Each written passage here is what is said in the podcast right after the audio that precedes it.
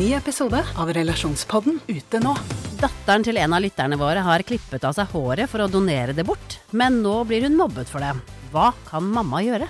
Og hva gjør du når 14-åringen ikke vil ha den kjipe stebestefaren i konfirmasjonen sin? Ta hensyn til konfirmanten eller til mormor. Hør Relasjonspodden gratis der du hører podkast. En podkast fra Podplay.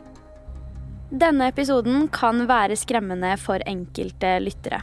Om du er yngre eller sensitiv til drap, forsvinning eller beskrivelser rundt slike hendelser, så anbefaler vi at du lytter til episoden med noen du stoler på, eller skrur av.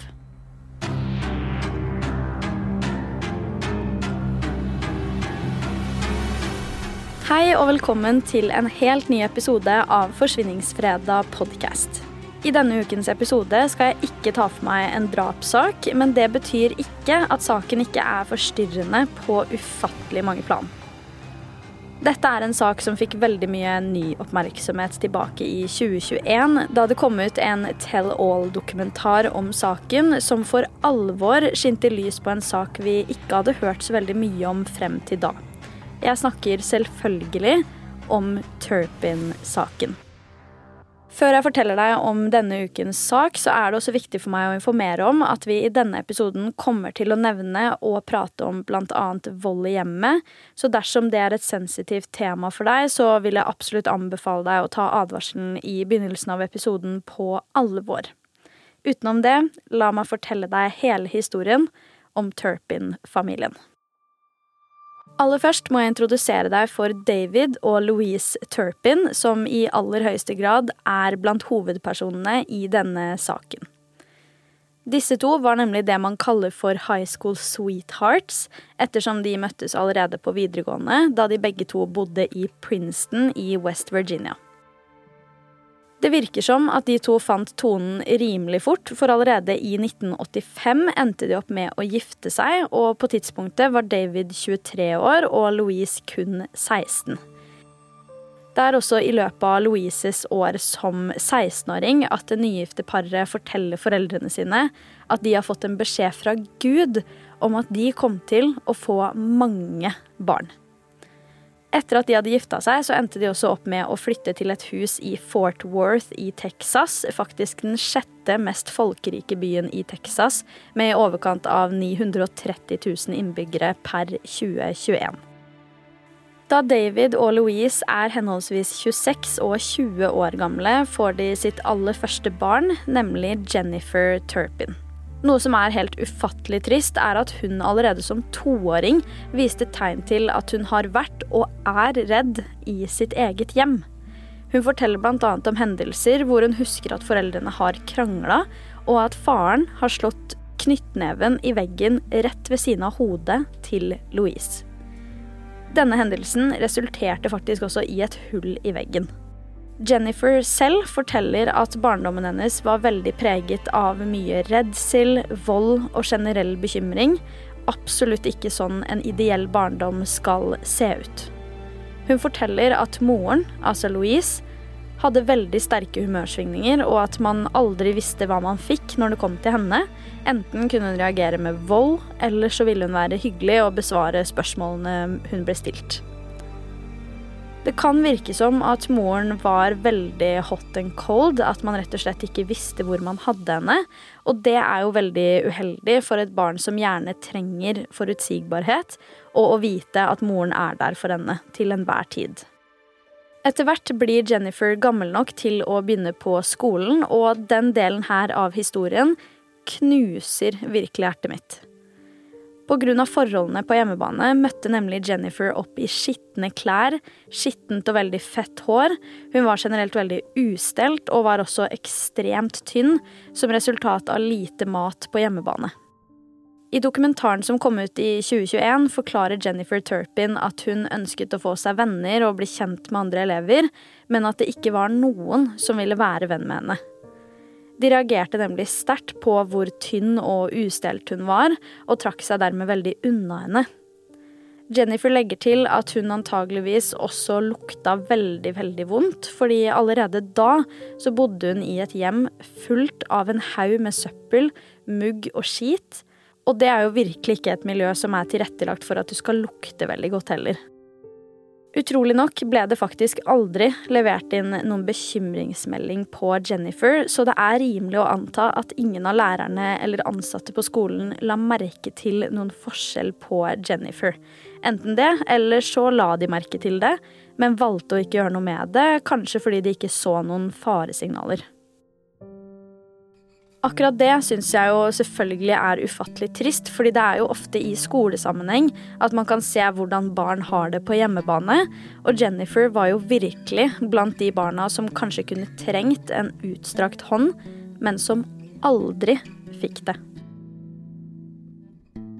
Jennifer Turpin var faktisk både det første og siste barnet i Turpin-familien til å noensinne få gå på skolen, og hun ble faktisk tatt ut av skolen allerede i tredje klasse, og siden den gang har det bare gått nedover. David og Louise fortsatte jo nemlig å få barn etter dette, og veldig mange av dem med svært tett mellomrom. Fra utsiden så det nok aldri ut som at disse barna hadde det noe særlig vanskelig på hjemmebane, for av og til så tok nemlig foreldrene dem med på å ta bilder til julekort og lignende for å sende til familiemedlemmene sine. Da de imidlertid kom hjem, så fikk ikke barna lov til å bevege seg utenfor husets fire vegger, og faktisk ble de også lært opp til å kun titulere foreldrene sine med mor og far. Det er jo mange som kaller foreldrene sine for det i dag også, selvfølgelig, men i den sammenhengen her så ble det brukt som en hersketeknikk for å få kontroll på barna, og i tillegg så hadde de heller aldri besøk av verken familie eller venner. Og om det var noe, så var det faktisk kun David og Louise som dro på besøk hos andre, mens barna måtte være hjemme. Barna, som etter hvert ble en del, ble også lært opp til at dersom de ikke adlød foreldrene sine, og dersom de ikke hørte på dem, så hadde foreldrene rett til å utøve vold. For å sitere den eldste i flokken, nemlig Jennifer, så hadde de drept oss om vi ikke hørte på dem. Jennifer deler videre at de veldig ofte våkna opp livredde, og at hun selv personlig var livredd for å i det hele tatt gjøre en bitte liten ting feil. For hun visste jo at dette ville få fatale konsekvenser for både hun selv og de andre barna. Spesielt da som eldst i søskenflokken, så ville hun jo gjøre alt i sin makt for å unngå det, selv om det var vanskelig å vite hvor lite som skulle til før noe ble oppfattet som feil av foreldrene. I en rapport skrevet i ettertid blir det beskrevet eksempler hvor faren har straffa barna sine ved hjelp av et belte, og at han også kunne plassere dem i et faktisk bur. Et annet eksempel er at et av barna har blitt dytta ned en trapp, og i 2006 tar saken nye høyder. Det er nemlig da foreldrene velger å plassere barna sine i en bobil ute i hagen, og rett og slett forlate dem der. Et av barna, som er en av de midterste aldersmessig i søskenflokken, heter Jordan, og hun var seks år gammel på tidspunktet. Visstnok fikk disse barna ukentlig matlevering av foreldrene sine i bobilen. Men helt oppriktig, hvem er det som gjør noe sånn som det her mot sine egne barn? Altså Matleveringen de fikk, var på ingen måte nok til å kunne mette dem alle sammen. For på dette tidspunktet hadde det jo blitt veldig mange barn. Vi snakker rundt 12-13 barn til sammen. Fordi Jennifer var eldst, fikk hun et slags foreldreansvar for de andre, og dette ansvaret ble hun faktisk tildelt av David og Louise, så det ble åpenbart at de hadde planer om å ha dem inne i bobilen i en god stund. En del av dette ansvaret var å putte de andre barna i bur, og dersom hun ikke gjorde det, så måtte hun i buret selv. Jeg tror ikke du forstår hvor sint den saken her faktisk gjør meg, fordi det her føles jo ut som alt annet enn en virkelig historie. I 2013 gifter David og Louise seg på nytt, og denne gangen skal alle barna være blomsterpiker. Jordan Turpin har forklart at denne dagen virka hele familien så utrolig lykkelige, fordi de endelig var ute av huset og hadde på seg fine, rene kjoler og klær, mens rett etter seremonien så var det rett hjem, bli plassert i skitne klær og alt de hadde på seg før seremonien. Alt i livet til Turpin-familien var bare en eneste stor fasade utad, og det har vi faktisk også på film. Kapellet der seremonien tok sted, filmet nemlig hele seremonien. Og det er så sykt å tenke på at mens de var der og ble filma, så måtte de faktisk dra hjem til redsel, skam og frykt i sitt eget hjem. Som du hører, definitivt ikke sånn en barndom skal være. Etter hvert flytter hele Turpin-familien til Paris i California, og nå har David og Louise klart å skaffe seg et bilskilt der det står DL Forever, altså David og Louise Forever. Igjen, dette er jo så med på å bygge opp under denne fasaden de så veldig gjerne ville opprettholde, med tanke på at det er en måte å vise til hele verden at de to har et så godt og trygt og kjærlig forhold til hverandre, og de elsker hverandre så mye at de til og med gifter seg på nytt. Bak fasaden viser det seg jo at de mest utenkelige ting skal skje på hjemmebane, og livssituasjonen blir ikke akkurat bedre i det nye huset. Det er 14. januar 2018, og klokka er blitt 05.49. I Paris i California rømmer en ung jente fra sitt eget hjem og et overvåkningskamera på andre siden av gata har klart å plukke opp det hele. På overvåkningsbildene ser vi en person gå ut av et vindu og ned på fortauet. Først går hun én vei, men så setter hun snuta i den andre retningen, stopper opp litt og tilsynelatende vurderer hva hun skal gjøre, før hun tar beina fatt og løper igjen. Denne jenta var 17 år gamle Jordan Turpin. Jordan hadde fått låne en telefon, en veldig sånn typisk gammeldags Nokia-telefon, av en av sine eldre søsken. Denne skulle hun bruke til å ringe 911, og her kan du høre et lite utdrag fra den samtalen. Okay, I live in a family of 15 people, and my parents are abusive. They abuse us. And my two little sisters right now are chained up. And how many of your siblings are tied up? Two of my sisters, one of my brothers. How are they tied up? With rope or with what? With chains. They're chained up to their bed. Videre i samtalen kommer det frem at Jordan bl.a. ikke kan ordet for medisin. Og hun vet egentlig ikke heller hva det er for noe, i tillegg til at det er flere andre ord som også er helt ukjente for henne. Én ting blir også veldig åpenbart for operatøren, nemlig at Jordan kommer fra veldig merkverdige forhold, og det er spesielt at hun ikke ønsker å dra tilbake til huset. Jordan gjør det klinkende klart at hun har rømt, og at det er en grunn til det.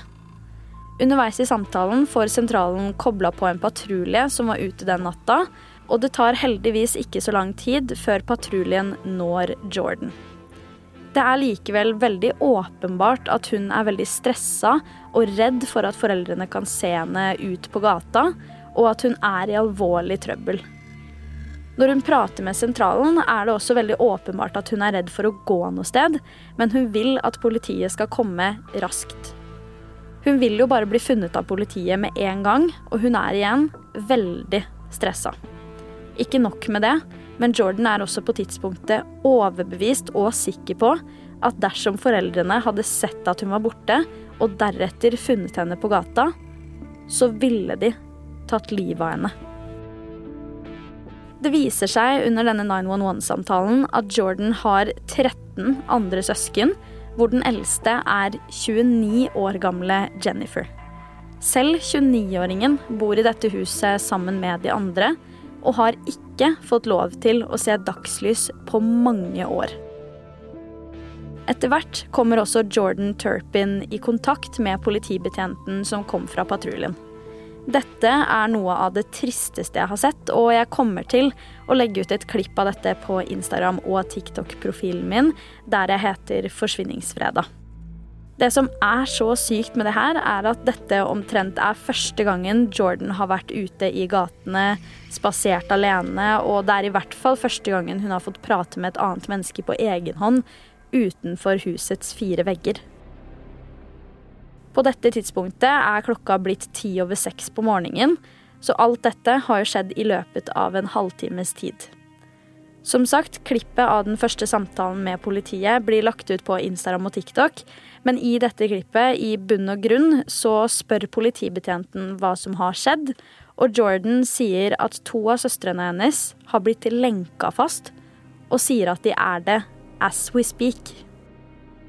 Politibetjenten blir nødt til å spørre om hun har noen bevis på det, og dette blir definert som et helt essensielt og viktig øyeblikk i denne saken. For hadde hun ikke bevis, var det bare å glemme å bli trodd, men heldigvis for Jordan hadde hun blitt bedt av søsknene sine om å ta bilder av det, sånn at hun kunne vise det frem til politiet. Det var også akkurat det hun gjorde, og viste frem et bilde av søsknene sine som var lenket fast. Politibetjenten spør da også Jordan om det er sånn at dersom politiet drar bort til adressa, så er de fremdeles lenket fast der hvor de er, og da sier Jordan at om de har funnet ut at Jordan er borte, så er de ikke lenket fast, men om ikke, så er de det. Det er pga. disse bildebevisene at Jordan blir tatt med til politistasjonen. Dette skal altså være det første steget for alle Turpin-barna inn i frihet. Men det er jo klart at alle traumene de har blitt påført opp gjennom årene, de sitter så utrolig, utrolig hardt.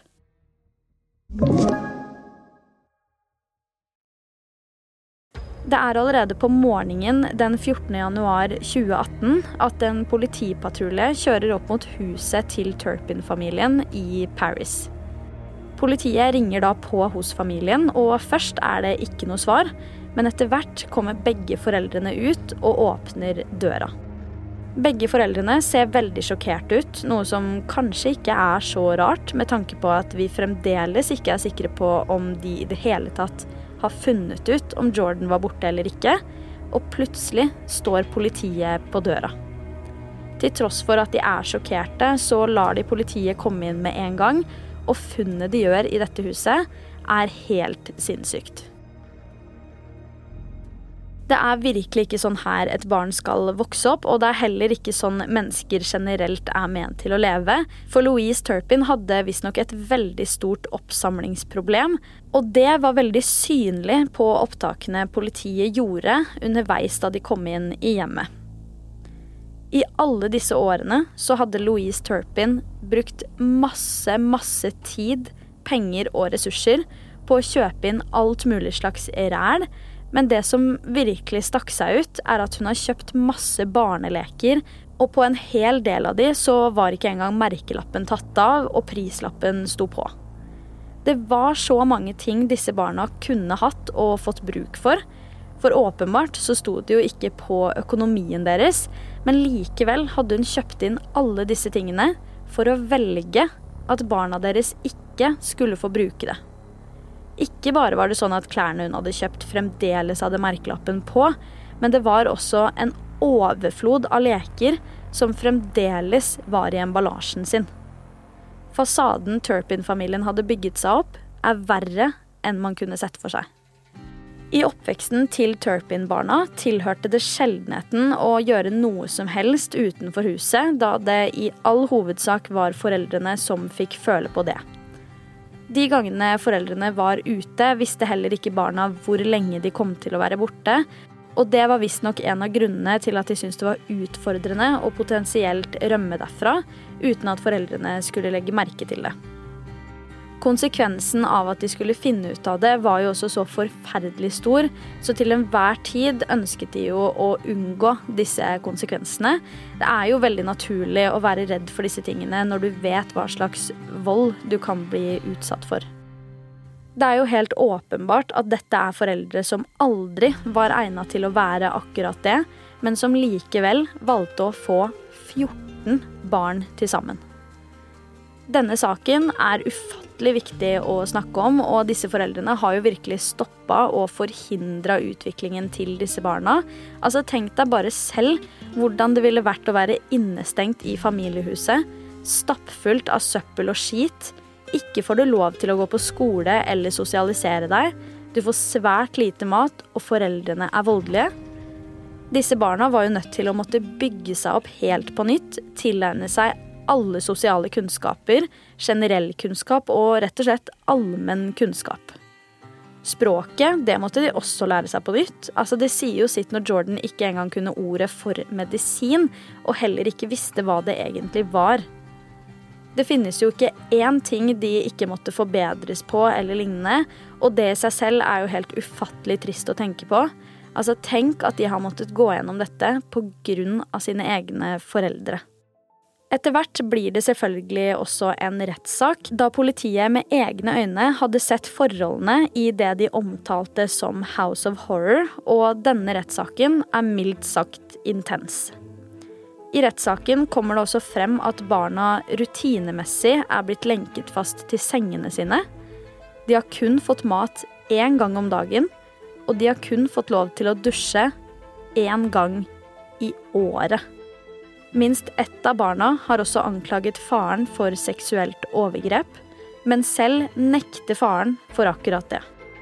Begge foreldrene sier seg imidlertid skyldige på alle punkter som nevnes i domsavsigelsen, nemlig tolv tilfeller av tortur, tolv tilfeller av ulovlig fengsling, syv tilfeller av misbruk og seks tilfeller av barnemishandling.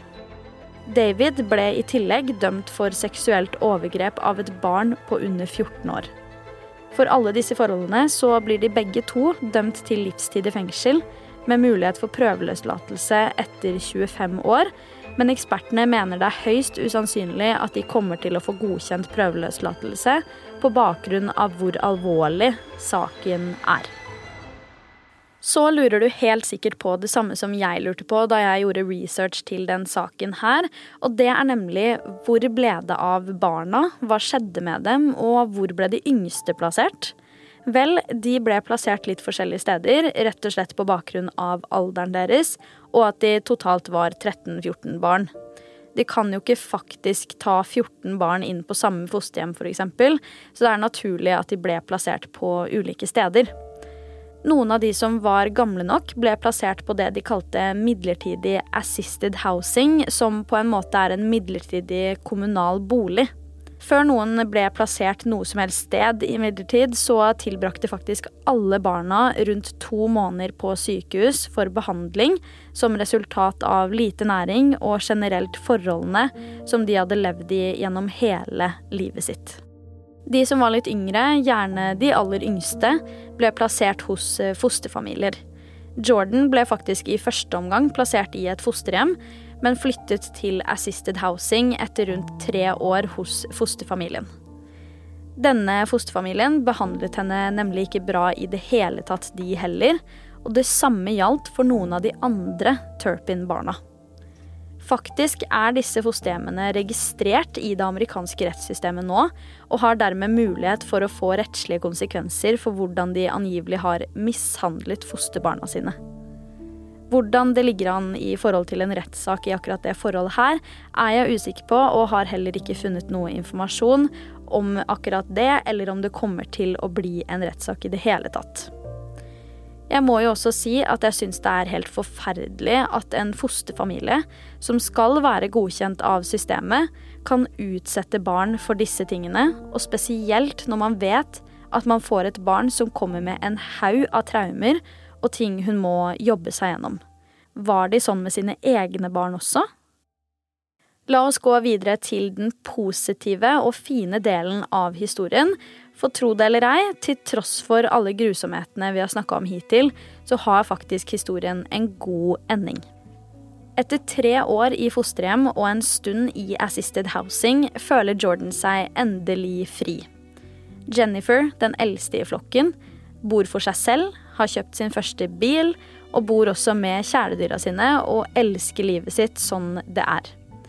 I tillegg til det har hun fått seg en jobb som hun trives skikkelig godt i, så til tross for 29 år med traumer, så virker det som at livet hennes endelig har tatt en vending, og at livet hennes endelig har blitt bra. Jordan på den andre siden har det tilsynelatende også veldig bra, men hun har valgt å ta en litt annen retning enn det sin eldste søster har. Hun har på mange måter blitt mer synlig i media, bl.a. på TikTok, hvor hun poster danseinnhold, og har også laget collabs med flere store innholdsskapere opp gjennom de siste årene. Det virker absolutt som at budskapet hennes er å få andre til å smile og le, og hun har også uttalt at hun har et ønske om å være et forbilde for andre i hennes situasjon. I dag drømmer hun også om å en dag kunne bli motiverende foredragsholder. Heldigvis så går det jo veldig mye bedre med disse barna nå, og heldigvis har foreldrene fått konsekvensene som de virkelig fortjener. Det skal jo aldri nå det punktet her, og jeg er glad for at dette ikke er en normal, men et veldig uvanlig tilfelle vi ikke hører om så ofte. Jeg er glad for at barna har det bedre i dag, og jeg må si at det er imponerende hvordan mange av dem har snudd livene sine på hodet og ønsker å bruke det til noe positivt her i verden. Saken om Turpin-familien står heldigvis som et skrekkeksempel, men så er det likevel en veldig viktig sak å snakke om.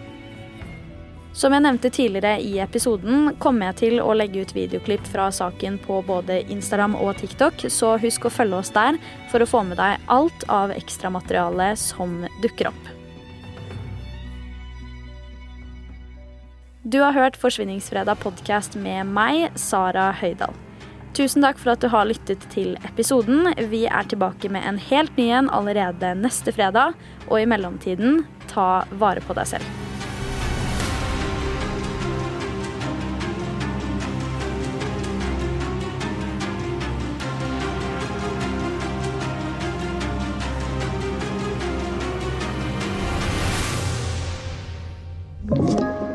Du har hørt en podkast fra Podplay.